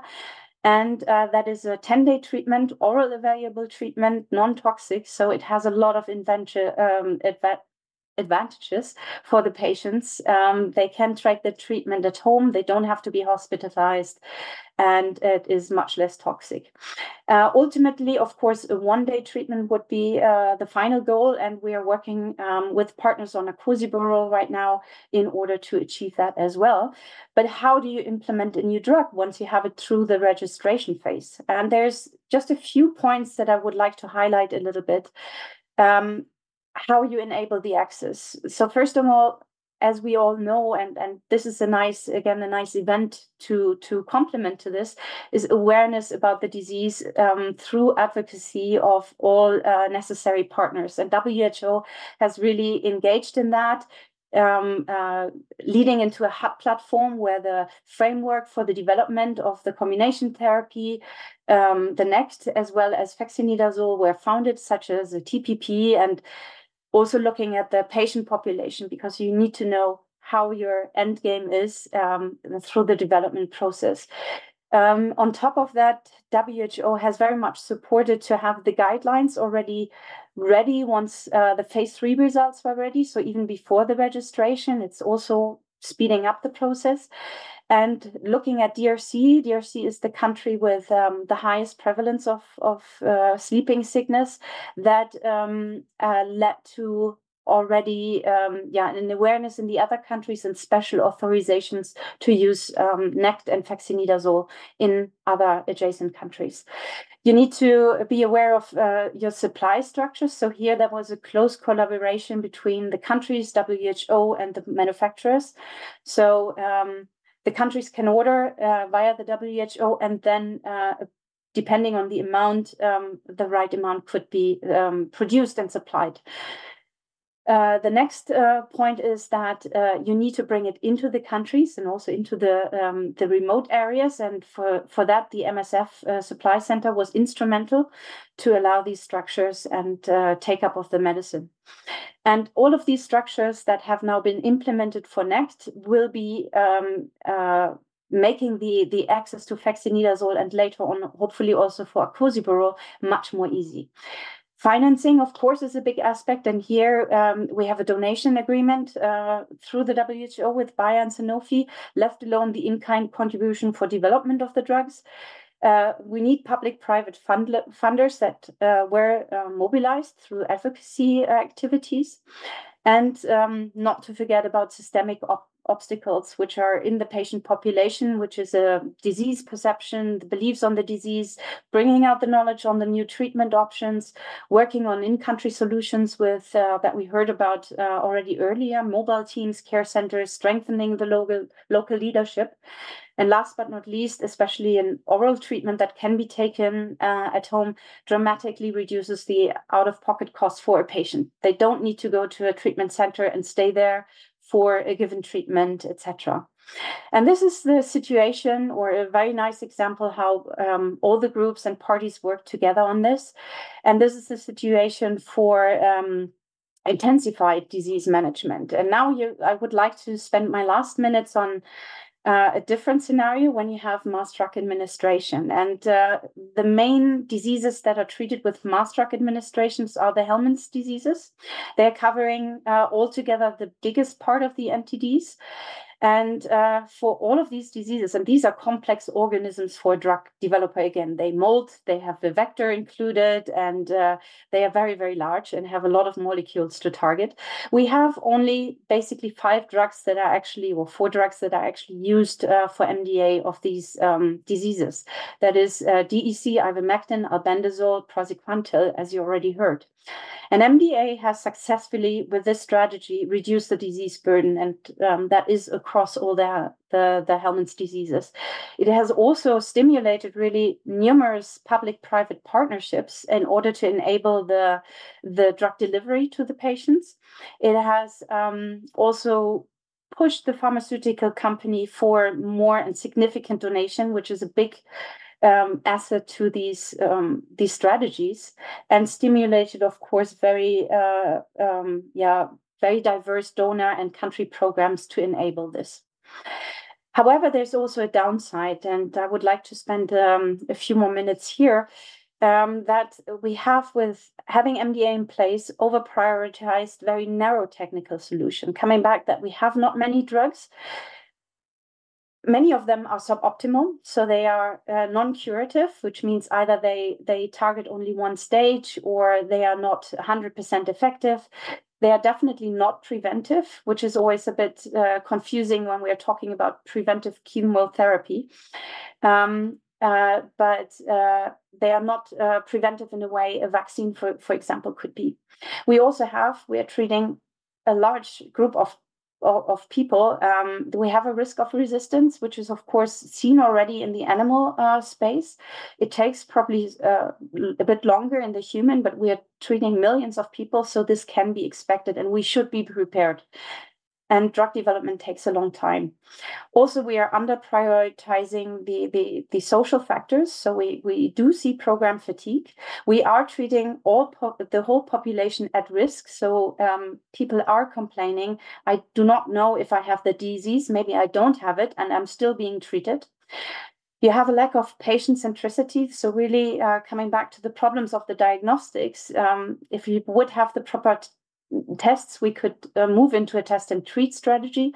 We can also, again, fusing the different diseases, look more into treating multiple infections at the same time. And uh, one important aspect is also if a patient suffers from a disease and has symptoms, they cannot easily go to healthcare centers and get these MDA drugs because they're simply not available. And uh, last but not least, um, all of these um, programs are heavily dependent on donation. And if you think about the country dependence and and um, stimulating the the uh, country autonomy, this is really uh, a big problem. And the costs of the, the programs, of course, are huge. Every year we spend millions on this, and we uh, need to think whether we can walk towards sustainable access models to to strengthen the health systems and help the patient in need. And there's actually now in the Helminth's environment really two um, recent advances. One is moxidectin, which is very similar to ivermectin, but it's much more effective. That has recently been registered, and we have pediatric praziquantel that's coming um, up very soon. And um, pediatric praziquantel co- covers basically a gap that was given by uh, the new guideline of the WHO to also go beyond school age children and move towards um, preschool age children. And these drugs are now there, I don't say valuable at this point, but they trigger the discussion how we can make much more sustainable access model. Can we produce in the countries? Can we then um, use and join forces to have proper delivery um, mechanisms? On the R&D level, we have, as you could already see a little bit, we have really a lack of a proper drug discovery or a drug pipeline. So we don't have a lot of um, uh, backup drugs. What we do is to circumvent this, we um, rely on the animal uh, space a little bit. So repurposing is an option because we save the the, the first package, the, the preclinical package, we can look at drugs that go across the different um, species. So, for example, emodepside is a drug that um, comes from the veterinary. It uh, has now by Swiss TPH very nicely shown that it um, tackles trichuris uh, by over 95%, which neither albendazole nor mebendazole do. And um, this is a good um, yeah, good way of saving money and making things a bit more um, fast. Uh, it's currently tested for onchocerciasis as well, so that we span across the nematodes. For schistosomiasis, there's one um, drug coming up from LSHTM that's moved forward by uh, Salvensis and Merck, and we have to see. And the last point that came up, and I will not spend a lot, I think uh, we as a community could have been could have done much better on morbidity management. So LF lymphatic filariasis was mentioned, and uh, the same is for FGS. So, can we find maybe also easy solutions to support um, a halting or a reversal of, of uh, pathology development? Can we stop the granuloma development and thereby the, the damages that are done, or can we even reverse also lymphatic filariasis? And I'll stop here on my last slide. So I wanted to walk you through very quickly on the current limitations. You heard about feasibility, length of treatments, toxicity issues, suboptimal efficacy, dependence on donations. And key aspects for the drug discovery and development and access are that we work together, that we look at combinations, but also in parallel at new chemical entry uh, entities. We repurpose as much as we can. We need, of course, uh, sensitive tools, especially when the prevalence uh, reduces. Partnerships are important.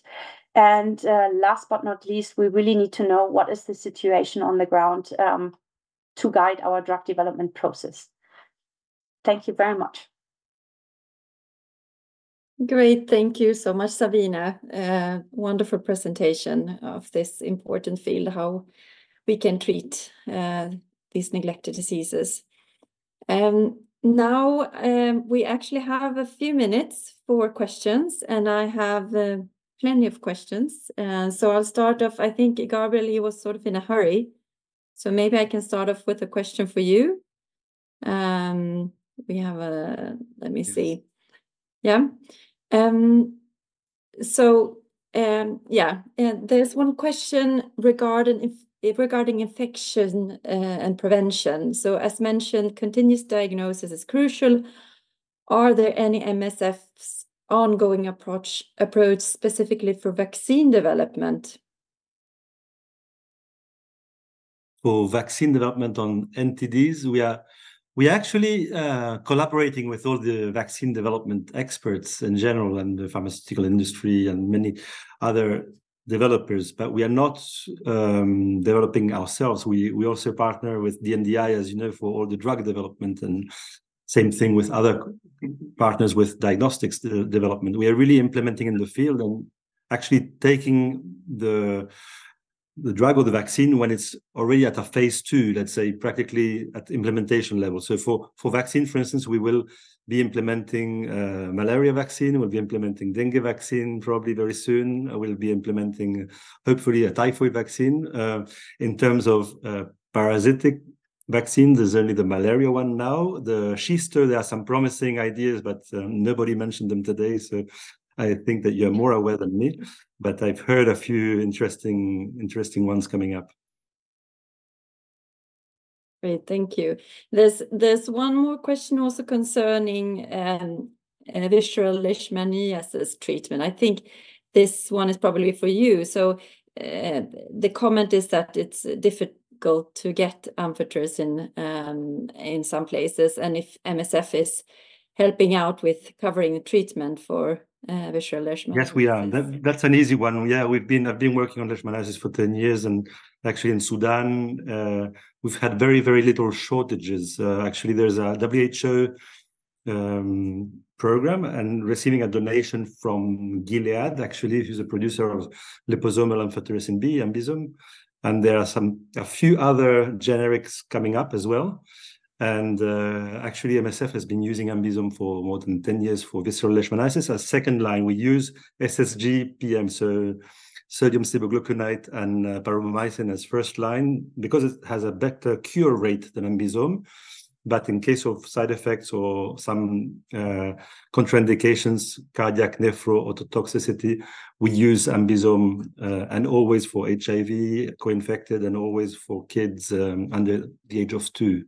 So Ambisome is currently available in all MSF projects that treat leishmaniasis. Um, you know, Sudan, South Sudan, Ethiopia, Yemen, um, a few in India, but they're they're they're closing now. Uh, they've closed, I think, and uh, I think it's the same for DNDi because we we we share the same stock actually. WHO, DNDi, and MSF, the Ambisome and other drugs uh, are stored together. Maybe Sabine, you, if you wish to comment anymore, it's uh, it's something that we work on together, DNDi and MSF and WHO. Yeah, exactly nothing more to comment but that's one of the complications you know it has to be cooled etc mm. and that makes the life on the ground really really not easy but mm. manageable if we go together yeah but sudan for instance now currently is uh, going through this very severe crisis so i'd say in the past it's been much easier but now since the new uh, conflict in Sudan and uh, on both sides of Sudan. And I mean, I've been working in Gedaref, which is in eastern Sudan. There is uh, actually some shortages from time to time. I mean, there's some shippings arriving, uh, WHO, the Ministry of Health, and also the END Fund and other, you know, bigger initiatives are working on that. But um, some hospitals of the Ministry of Health are subject to shortages of Ambisome.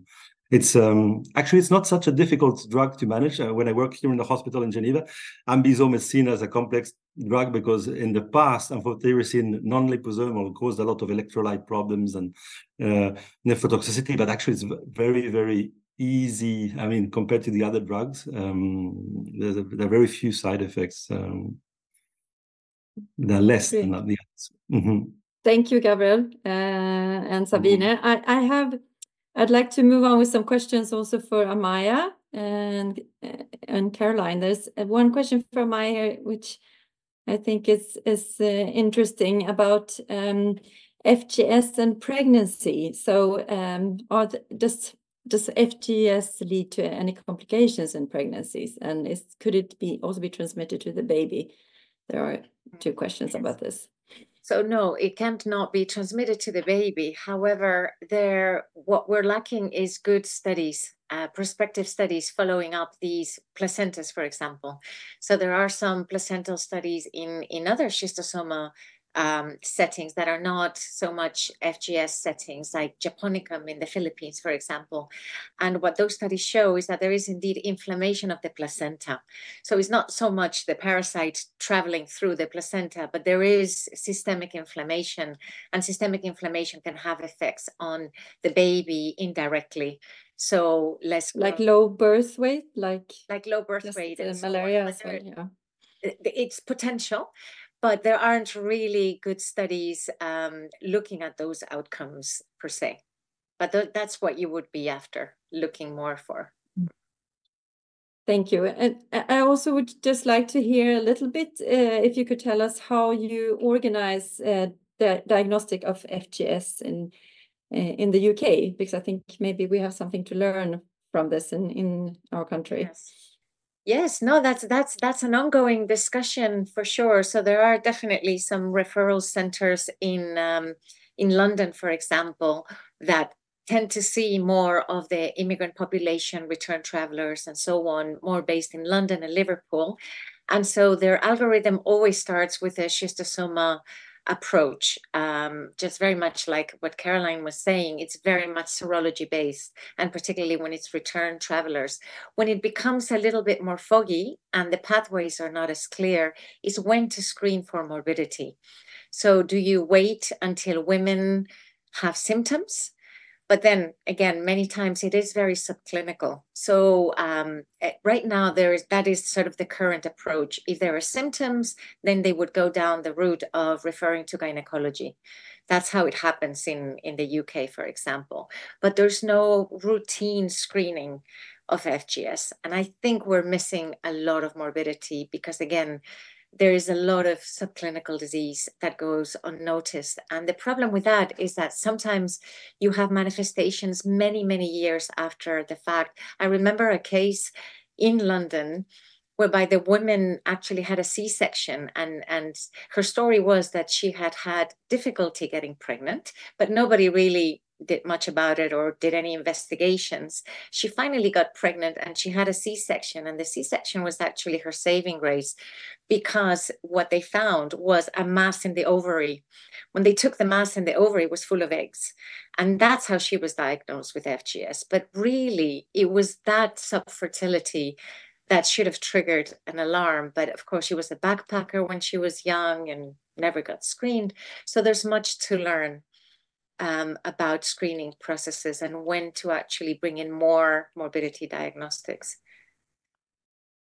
Uh, what about PCR? Do you do PCR on, uh, uh, for example, vaginal swabs in the UK? Do you use that? And is that maybe something we could start with in Sweden then? Yes, so that, that's a conversation that is ongoing. It's not routine, very much like what Caroline was saying. It's um, it's sort of starting to be introduced, but it is not routine so it's very much a case by case and I, I also think that it could be more systematic you know the algorithms could be a bit more refined because now we have the evidence. Uh, the thing is that we're talking about five not even 10 years with all these novel diagnostics coming through. Now is what to do with them and when to use them in the different settings. Very different if you're in ethiopia than if you're in um, stockholm. So it's um, it's exciting. It's an exciting time to be in. Thank you, Amaya. And uh, there are also some questions concerning diagnostics. Um, um, so, so for Caroline, then um, would AI um, uh, through so using AI um, for microscopy would that be a beneficial approach? I know I've heard of some field studies using AI, but I don't know if this is something that we would think would be beneficial in Sweden. Maybe. Yeah, so this is yeah, this is of course another hot topic. AI is a hot topic in every aspect, I yes. think, and uh, including microscopy for parasitology. Um, I think in our setting in Sweden, not now not at this time point. However, I know it's already being used uh, in Africa in some uh, countries, in uh, pilot projects at least. And there, I think, uh, where you have a certain burden of disease, it's uh, for sure uh, could be applied. But um, at this point, I don't think it has a place in a non endemic country. I think there are better methods that can be used. Okay, thank you. And also, a question concerning screening strategy. So um, this is maybe from someone who's not from Sweden, but um, so what screening strategy do you recommend for migrants from high-risk countries? Um, serology plus treating positives or presumptive praziquantel? Mm. In Switzerland, we do serology, for instance. Yes, definitely. And, but do you have then? Do you have the directions, re recommendations to screen certain migrant yes. groups? We do practically the same as Caroline has presented before. Yeah, we do serology was... microscopy. Mm -hmm. yeah, so, sorry, but because because we this was a study that Caroline was presenting, right? So we have. No, this is routine. This is routine it... in Switzerland. Okay. Uh, yes, for past five, ten years, yes. But no, the serology part, yes. The we collaborate with the Basel Tropical Institute in Geneva, and um, I think most Swiss centers do this. It's uh, serology. If positive, we look for the eggs. We are introducing PCR as well, um, but PCR is less um, common. We use it in, in immunosuppressed because the serology in immunosuppressed patient is not as reliable. So we use it a lot in pre-immunosuppression and pre-transplant, pre, um, pre um, chemotherapy, for instance. So we we we screen for all of these diseases that can be important to screen, like other parasites that can flare up in case of immunosuppression. But I thought it was a routine screening in Sweden as well with the serology and the microscopy. But then maybe the PCRs are more experimental. No, it's definitely not implemented yeah. in Sweden, unfortunately. Okay. Uh, but I would we could compare with you. Yeah, I, I, I totally agree that serology is the right method for screening yeah. for uh, schistosomiasis. Um, and presumptive treatment, uh, that always uh, is a bad thing. As a microbiologist, I really don't like that approach. Yeah. Of course, sometimes it's not feasible to diagnose everybody, and some countries uh, use presumptive treatment. Um, since it's just not feasible to diagnose uh, everything by serology, but um, it is definitely mm. the best method for screening yeah, it changes a lot on the duration of exposure between tourists or migrants or expatriates who've been in the field a long time. Yeah. So that's for us the, one of the decision tools. Yeah. Did you use screening in, in the UK? Yes, absolutely. There are in the immigrant um, clinics, in the um, um, asylum seekers, there is definitely a screening pathway, and it's always through serology that gets done and it's actually on the uprise the number of tests very much so. Do you uh, i had a can i ask caroline a quick question about your serology actually? So is your elisa um, anti-sea sorry on? The um the um, schistosome egg antigen. Yeah. Yeah that was the it's no it's sorry it's both. Uh it's both egg antigen and um adult worm antigen. An adult as well. Yeah so it's it's both. Um, it's a it's a kit uh, from Bordier. Mm-hmm. It'll be very interesting to compare. In Switzerland, it's also the two: the egg antigen and the and the adult and the other one and the uh, adult antigen. I think uh, sometimes they're discrepant, and it's not always easy to interpret. Mm. Now, my experience is that um. ELISA is the least sensitive method we have. So it's sort of third line. The most sensitive is definitely yeah. the ICT. Okay.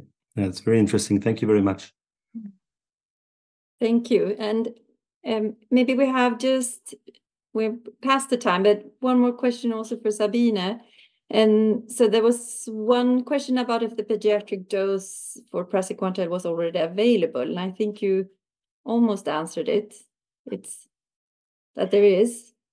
I, I can maybe take a lead, and Amaya, feel free to to jump in as well. So, uh, Merck, uh, together with the Pediatric Praziquantel Consortium, have just recently submitted it for market authorization. So, it got the approval and will be now rolled out. How it will be rolled out, that's a matter of discussion. And I'm, I'm really glad that we're having this discussion because it's so long overdue. So, the aim is to really have a licensing method to produce it within the countries. And um, uh, and then be rolled out from there. Maybe a tiny little point. I think for for MSF, it would be really useful to have point of care, but also finger prick uh, serology or, or, for all the tests that you you've mentioned, because sometimes they're on serum or on venous blood, which is difficult to to draw, especially in kids. it would be really useful if we can even perfect it to have it on the finger prick. I'm sure it's one of your priorities, but talking on behalf of my colleagues who say this quite often. That would be perfect, of course. Mm.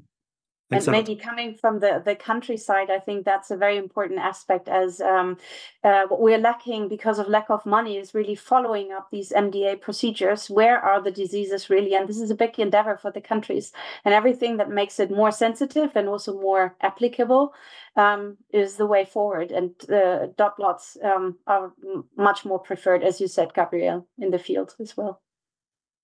If, if I can add something, Gabrielle, there's a CAA um, RDT in development. So we're all very yes. anxiously waiting. We are, yeah, we are we are hoping. I've heard in Kenya, and we are waiting for projects in Mozambique and, and Congo. We are following very closely for urogenital in Mozambique and for intestinal in, in Congo. So the, as soon as the CAA is out, please call us. We are here. it will be a game changer. Really. Yes everybody is is meant is waiting for that yeah. mm-hmm. okay i think um i think we need to to round off uh, since time is due and uh, i really want to thank everyone for for your wonderful presentation and participating in this event And thank you also for the listeners and all your questions. There are some questions that we haven't had time for, but uh, I think all um, all speakers have said it's okay to also email questions. Um, and just the final comment is that the, um, the Swedish um, Doctors Without Borders organization actually handed over a, um, a, a signed letter to the uh, Department uh, of uh, Welfare, uh, Board of Welfare in, in Sweden, sort of paying attention to the NTDs. So that was done today on the World NTD Day, and we hopefully we'll have um, some more research on NTDs in the future, uh, both on the management, diagnostics, and, and treatment of these neglected diseases. And so with that, I just want to thank everyone again. Um, it's really nice to hear you all. Thank you so much for the invitation. Thank you. Thanks a lot. Happy NTD Day. Yes.